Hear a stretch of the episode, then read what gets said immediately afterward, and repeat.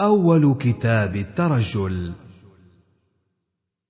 باب النهي عن كثير من الإرفاه.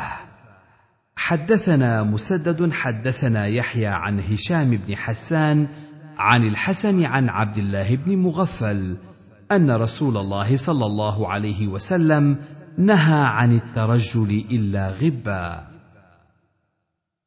حدثنا الحسن بن علي حدثنا يزيد المازني أخبرنا الجريري عن عبد الله بن بريدة أن رجلا من أصحاب النبي صلى الله عليه وسلم رحل إلى فضالة بن عبيد وهو بمصر فقدم عليه فقال أما إني لم آتك زائرا ولكني سمعت أنا وأنت حديثا من رسول الله صلى الله عليه وسلم رجوت أن يكون عندك منه علم قال ما هو؟ قال كذا وكذا. قال وما لي أراك شعثا وأنت أمير الأرض. قال إن رسول الله صلى الله عليه وسلم كان ينهانا عن كثير من الإرفاه. قال فما لي لا أرى عليك حذاء. قال كان النبي صلى الله عليه وسلم يأمرنا أن نحتفي أحيانا. حدثنا النفيلي حدثنا محمد بن سلمة عن محمد بن إسحاق عن عبد الله بن أبي أمامة عن عبد الله بن كعب بن مالك عن أبي أمامة قال ذكر أصحاب رسول الله صلى الله عليه وسلم يوما عنده الدنيا فقال رسول الله صلى الله عليه وسلم ألا تسمعون ألا تسمعون إن البذاذة من الإيمان إن البذاذة من الإيمان يعني التقحل. قال أبو داود وهو أبو أمامة بن ثعلبة الأنصاري. باب في استحباب الطيب. حدثنا نصر بن علي حدثنا أبو أحمد عن شيبان بن عبد الرحمن عن عبد الله بن المختار عن موسى بن أنس عن أنس بن مالك قال كانت للنبي صلى الله عليه وسلم سكة يتطيب منها. باب في إصلاح الشعر. حدثنا سليمان بن داود المهري أخبرنا ابن وهب أخبرنا ابن أبي الزناد عن سهيل بن أبي صالح عن أبيه عن أبي هريرة أن رسول الله صلى الله عليه وسلم قال من كان له شعر فليكرمه. باب في الخضاب للنساء. حدثنا عبيد الله بن عمر حدثنا يحيى بن سعيد عن علي بن المبارك عن يحيى بن أبي كثير قال حدثتني كريمة بنت همام أن امرأة سألت عائشة عن خضاب الحناء فقالت لا بأس به. ولكني أكرهه. كان حبيبي صلى الله عليه وسلم يكره ريحه. قال أبو داود تعني خضاب شعر الرأس. حدثنا مسلم بن إبراهيم حدثتني غبطة بنت عمرو المجاشعية. قالت حدثتني عمتي أم الحسن عن جدتها عن عائشة أن هند بنه عتبة قالت يا نبي الله بايعني. قال لا أبايعك حتى تغيري كفيك كأنهما كفا سبع حدثنا محمد بن محمد الصوري حدثنا خالد بن عبد الرحمن حدثنا مطيع بن ميمون عن صفية بنت عصمة عن عائشة قالت اومات امرأة من وراء ستر بيدها كتاب إلى رسول الله صلى الله عليه وسلم فقبض رسول الله صلى الله عليه وسلم يده فقال ما أدري أيد رجل أم يد امرأة؟ قالت بل امرأة. قال لو كنت امرأة لغيرت أظفارك. يعني بالحناء. باب في صلة الشعر.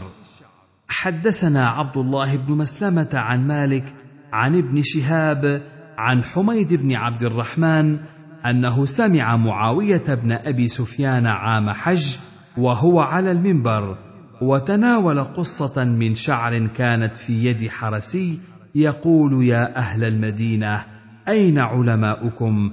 سمعت رسول الله صلى الله عليه وسلم ينهى عن مثل هذه ويقول إنما هلكت بنو إسرائيل حين اتخذ هذه نساؤهم. حدثنا أحمد بن حنبل ومسدد. قال حدثنا يحيى عن عبيد الله. قال حدثني نافع عن عبد الله. قال لعن رسول الله صلى الله عليه وسلم الواصلة والمستوصلة والواشمة والمستوشمة. حدثنا محمد بن عيسى وعثمان بن أبي شيبة المعنى قالا حدثنا جرير عن منصور عن إبراهيم عن علقمة عن عبد الله أنه قال لعن الله الواشمات والمستوشمات. قال محمد والواصلات. وقال عثمان والمتنمصات. ثم اتفقا والمتفلجات للحسن المغيرات خلق الله. قال فبلغ ذلك امرأة من بني أسد يقال لها أم يعقوب. زاد عثمان كانت تقرأ القرآن. ثم اتفقا فأتته فقالت بلغني عنك أنك لعنت الواشمات والمستوشمات. قال محمد والواصلات. وقال عثمان والمتنمصات. ثم اتفقا والمتفلجات.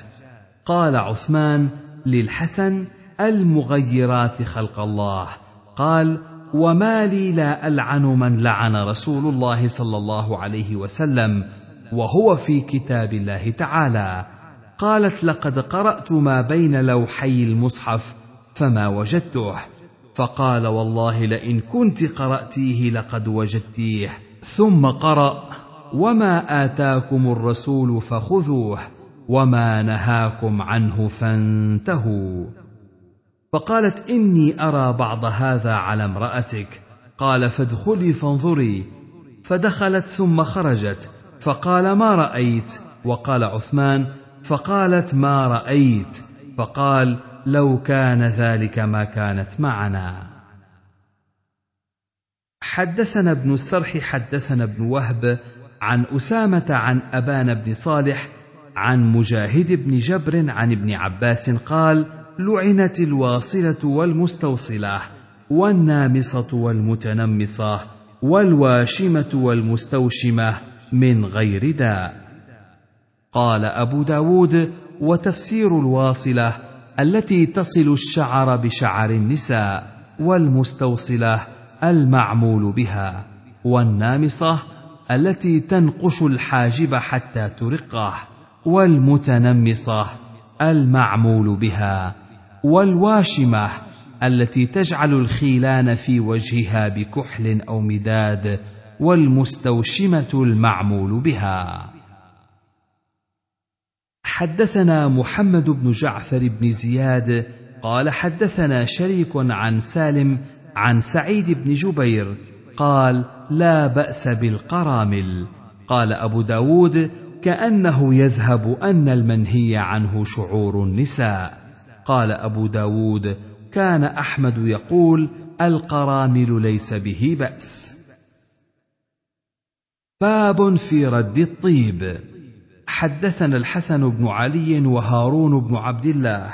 المعنى أن أبا عبد الرحمن المقرئ حدثهم عن سعيد بن أبي أيوب عن عبيد الله بن أبي جعفر عن الأعرج عن أبي هريرة قال قال رسول الله صلى الله عليه وسلم من عرض عليه طيب فلا يرده فإنه طيب الريح خفيف المحمل.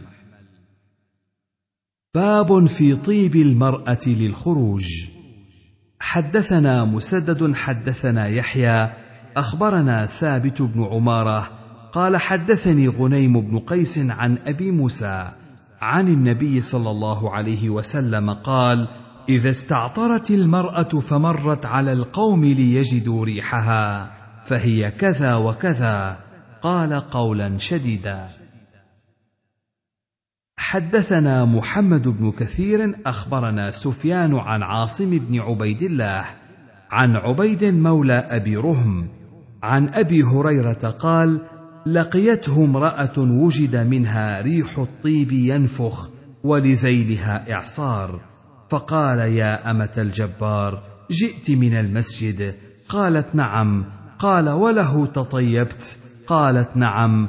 قال إني سمعت حبي أبا القاسم صلى الله عليه وسلم يقول لا تقبل صلاة لامرأة تطيبت لهذا المسجد حتى ترجع فتغتسل غسلها من الجنابة. قال أبو داود الإعصار غبار. حدثنا النفيلي وسعيد بن منصور قال حدثنا عبد الله بن محمد أبو علقمة. قال حدثني يزيد بن خصيفة عن بسر بن سعيد عن أبي هريرة قال قال رسول الله صلى الله عليه وسلم أيما امرأة أصابت بخورا فلا تشهدن معنا العشاء قال ابن نفيل الآخرة. باب في الخلوق للرجال. حدثنا موسى بن إسماعيل حدثنا حماد أخبرنا عطاء الخراساني عن يحيى بن يعمر عن عمار بن ياسر قال قدمت على أهلي ليلى وقد تشققت يداي فخلقوني بزعفران. فغدوت على النبي صلى الله عليه وسلم فسلمت عليه فلم يرد علي ولم يرحب بي. وقال اذهب فاغسل هذا عنك. فذهبت فغسلته. ثم جئت وقد بقي علي منه ردع. فسلمت عليه فلم يرد علي ولم يرحب بي. وقال اذهب فاغسل هذا عنك. فذهبت فغسلته ثم جئت فسلمت عليه فرد علي فرحب بي وقال إن الملائكة لا تحضر جنازة الكافر بخير ولا المتضمخ بالزعفران ولا الجنب.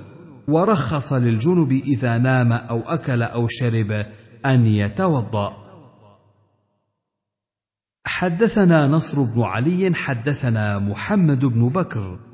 أخبرنا ابن جريج أخبرني عمر بن عطاء بن أبي الخوار أنه سمع يحيى بن يعمر يخبر عن رجل أخبره عن عمار بن ياسر. زعم عمر أن يحيى سمى ذلك الرجل فنسي عمر اسمه أن عمارا قال تخلقت بهذه القصة والأول أتم بكثير فيه ذكر الغسل. قال قلت لعمر وهم حرم؟ قال لا القوم مقيمون. حدثنا زهير بن حرب الأسدي حدثنا محمد بن عبد الله بن حرب الأسدي حدثنا أبو جعفر الرازي عن الربيع بن أنس عن جدته قالا سمعنا أبا موسى يقول قال رسول الله صلى الله عليه وسلم لا يقبل الله صلاة رجل في جسده شيء من خلوق. قال أبو داود جداه زيد وزياد.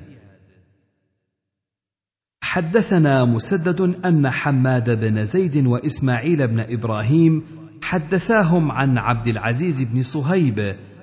عن أنس قال نهى رسول الله صلى الله عليه وسلم عن التزعفر للرجال. وقال عن إسماعيل أن يتزعفر الرجل. حدثنا هارون بن عبد الله حدثنا عبد العزيز بن عبد الله الأويسي. حدثنا سليمان بن بلال عن ثور بن زيد عن الحسن بن أبي الحسن عن عمار بن ياسر أن رسول الله صلى الله عليه وسلم قال ثلاثة لا تقربهم الملائكة. جيفة الكافر والمتضمخ بالخلوق والجنب إلا أن يتوضأ. حدثنا أيوب بن محمد الرقي حدثنا عمر بن أيوب عن جعفر بن برقان عن ثابت بن الحجاج عن عبد الله الهمداني عن الوليد بن عقبة قال لما فتح نبي الله صلى الله عليه وسلم مكة جعل أهل مكة يأتونه بصبيانهم فيدعو لهم بالبركة ويمسح رؤوسهم. قال فجيء بي إليه وأنا مخلق فلم يمسني من أجل الخلوق.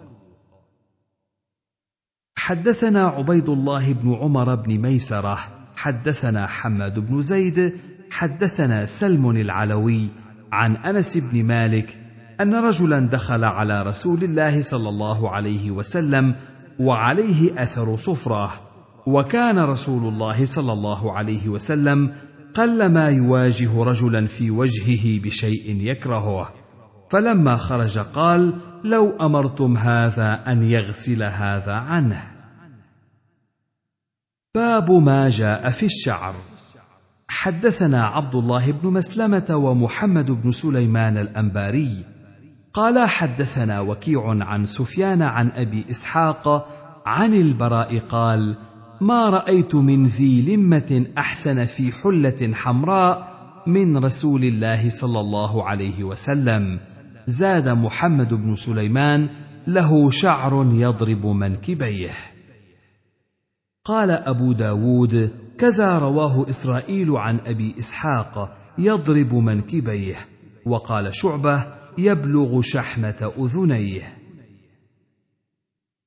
حدثنا حفص بن عمر حدثنا شعبة عن أبي إسحاق عن البراء قال كان النبي صلى الله عليه وسلم له شعر يبلغ شحمة أذنيه. حدثنا مخلد بن خالد حدثنا عبد الرزاق حدثنا معمر عن ثابت عن أنس قال كان شعر رسول الله صلى الله عليه وسلم إلى شحمة أذنيه. قال أبو داود وهم شعبة فيه.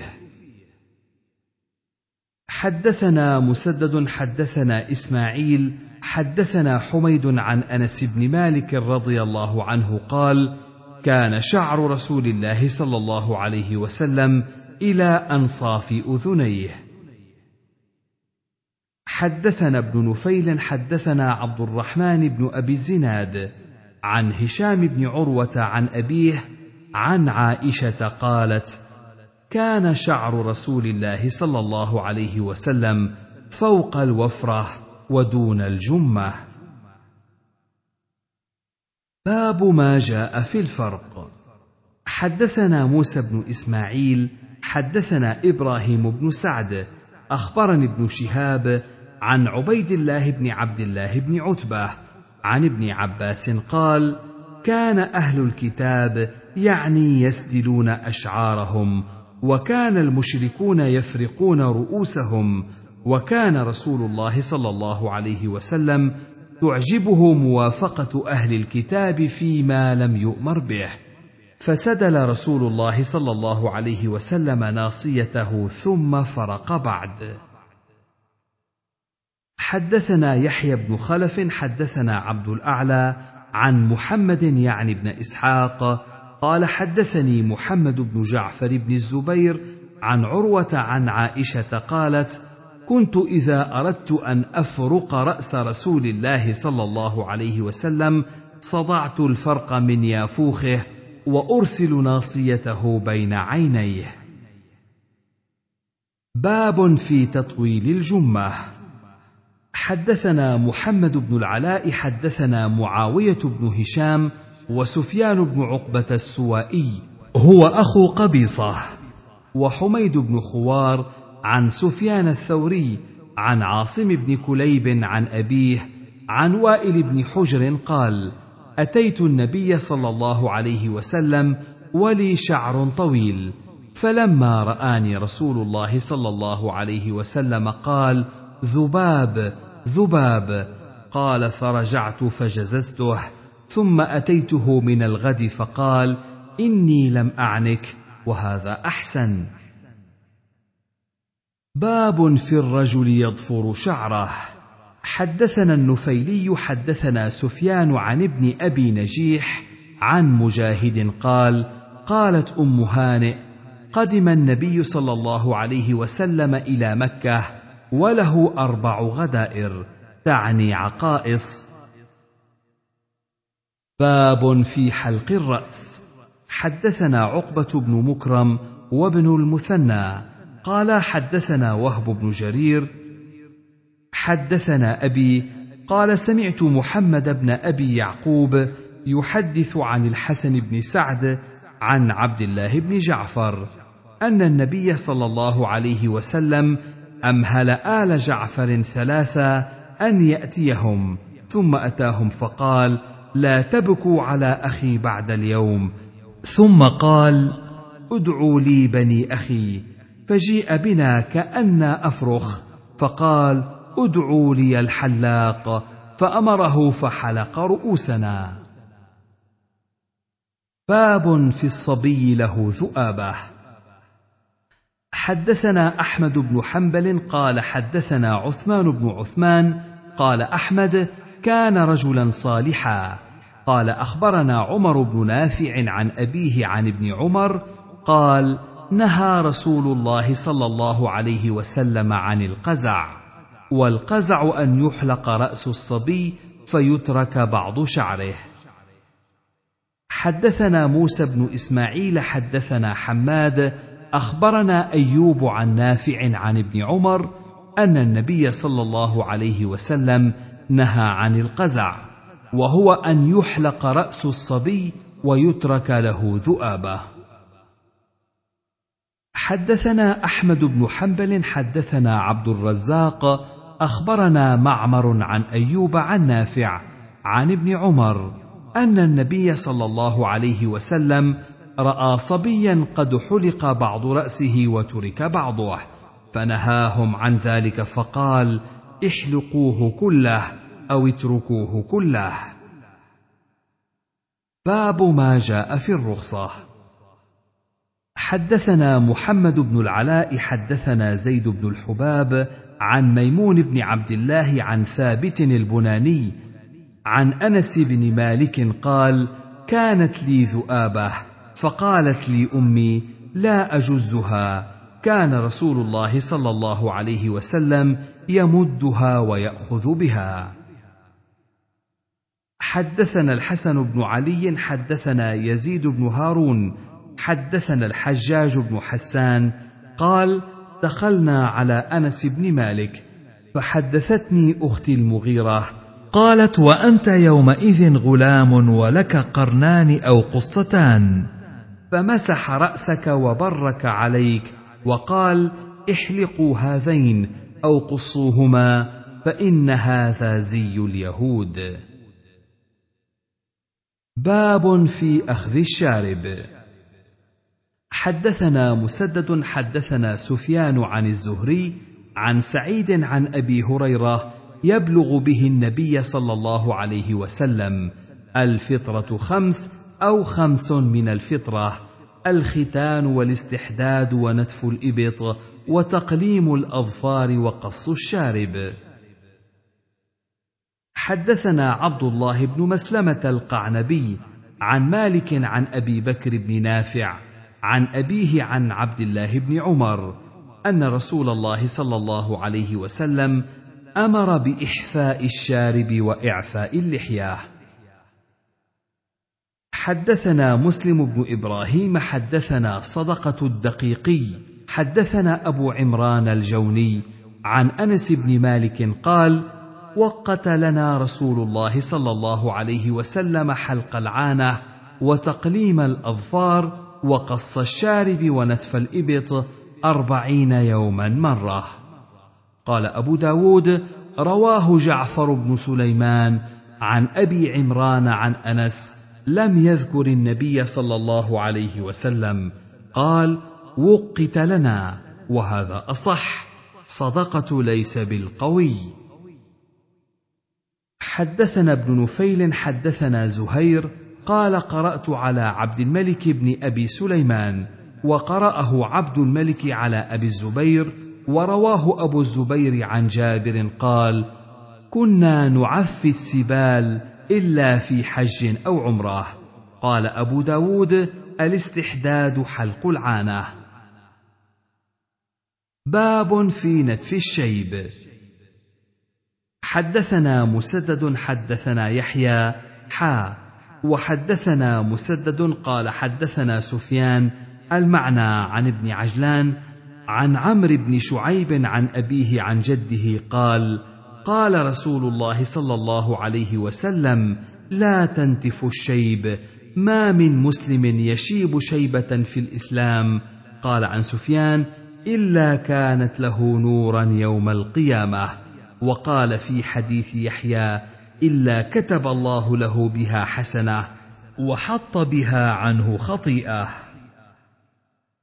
باب في الخضاب حدثنا مسدد حدثنا سفيان عن الزهري عن أبي سلمة وسليمان بن يسار عن أبي هريرة يبلغ به النبي صلى الله عليه وسلم قال إن اليهود والنصارى لا يصبغون فخالفوهم.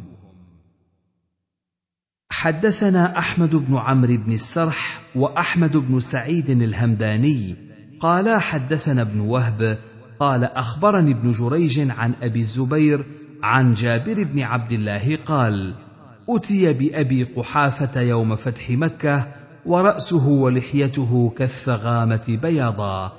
فقال رسول الله صلى الله عليه وسلم غيروا هذا بشيء واجتنبوا السواد.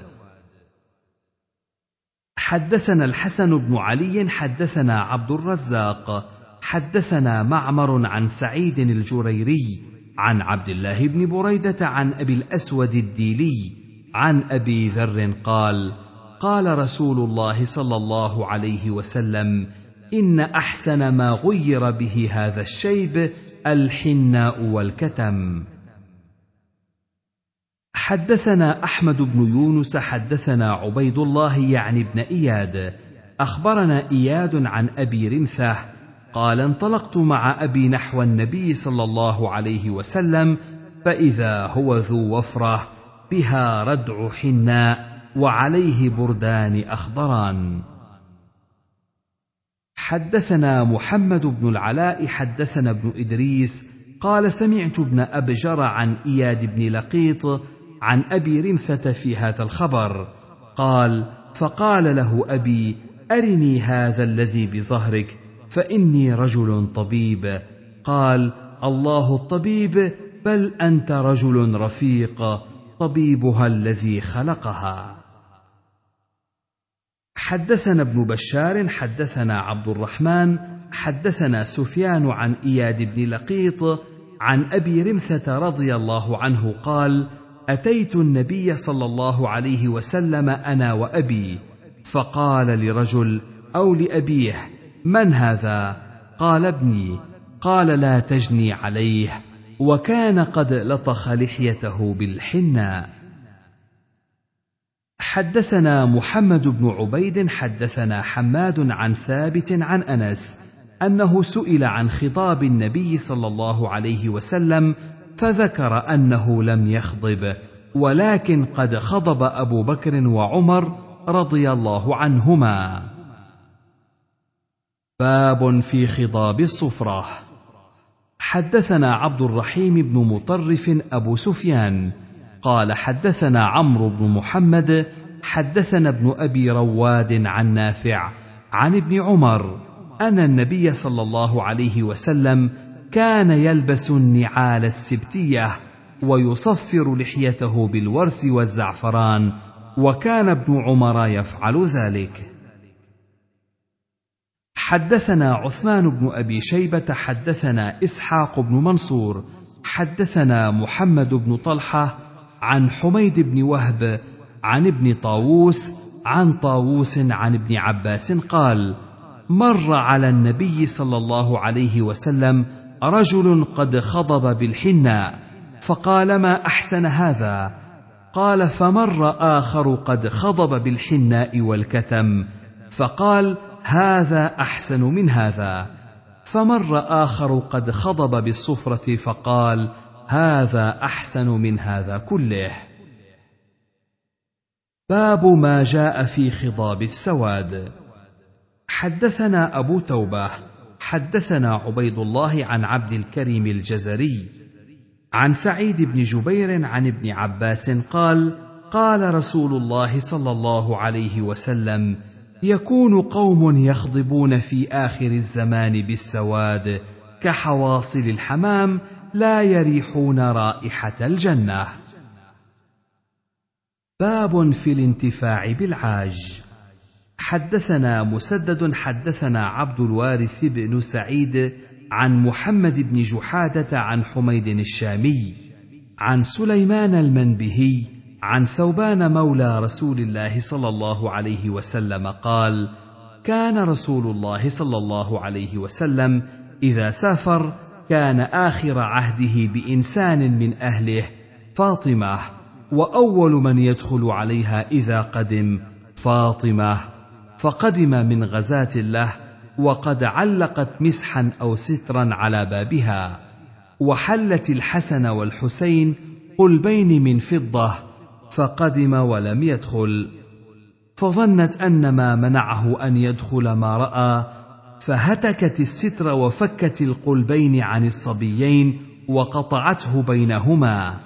فانطلقا إلى رسول الله صلى الله عليه وسلم وهما يبكيان فأخذه منهما وقال يا ثوبان اذهب بهذا إلى آل فلان أهل بيت بالمدينة.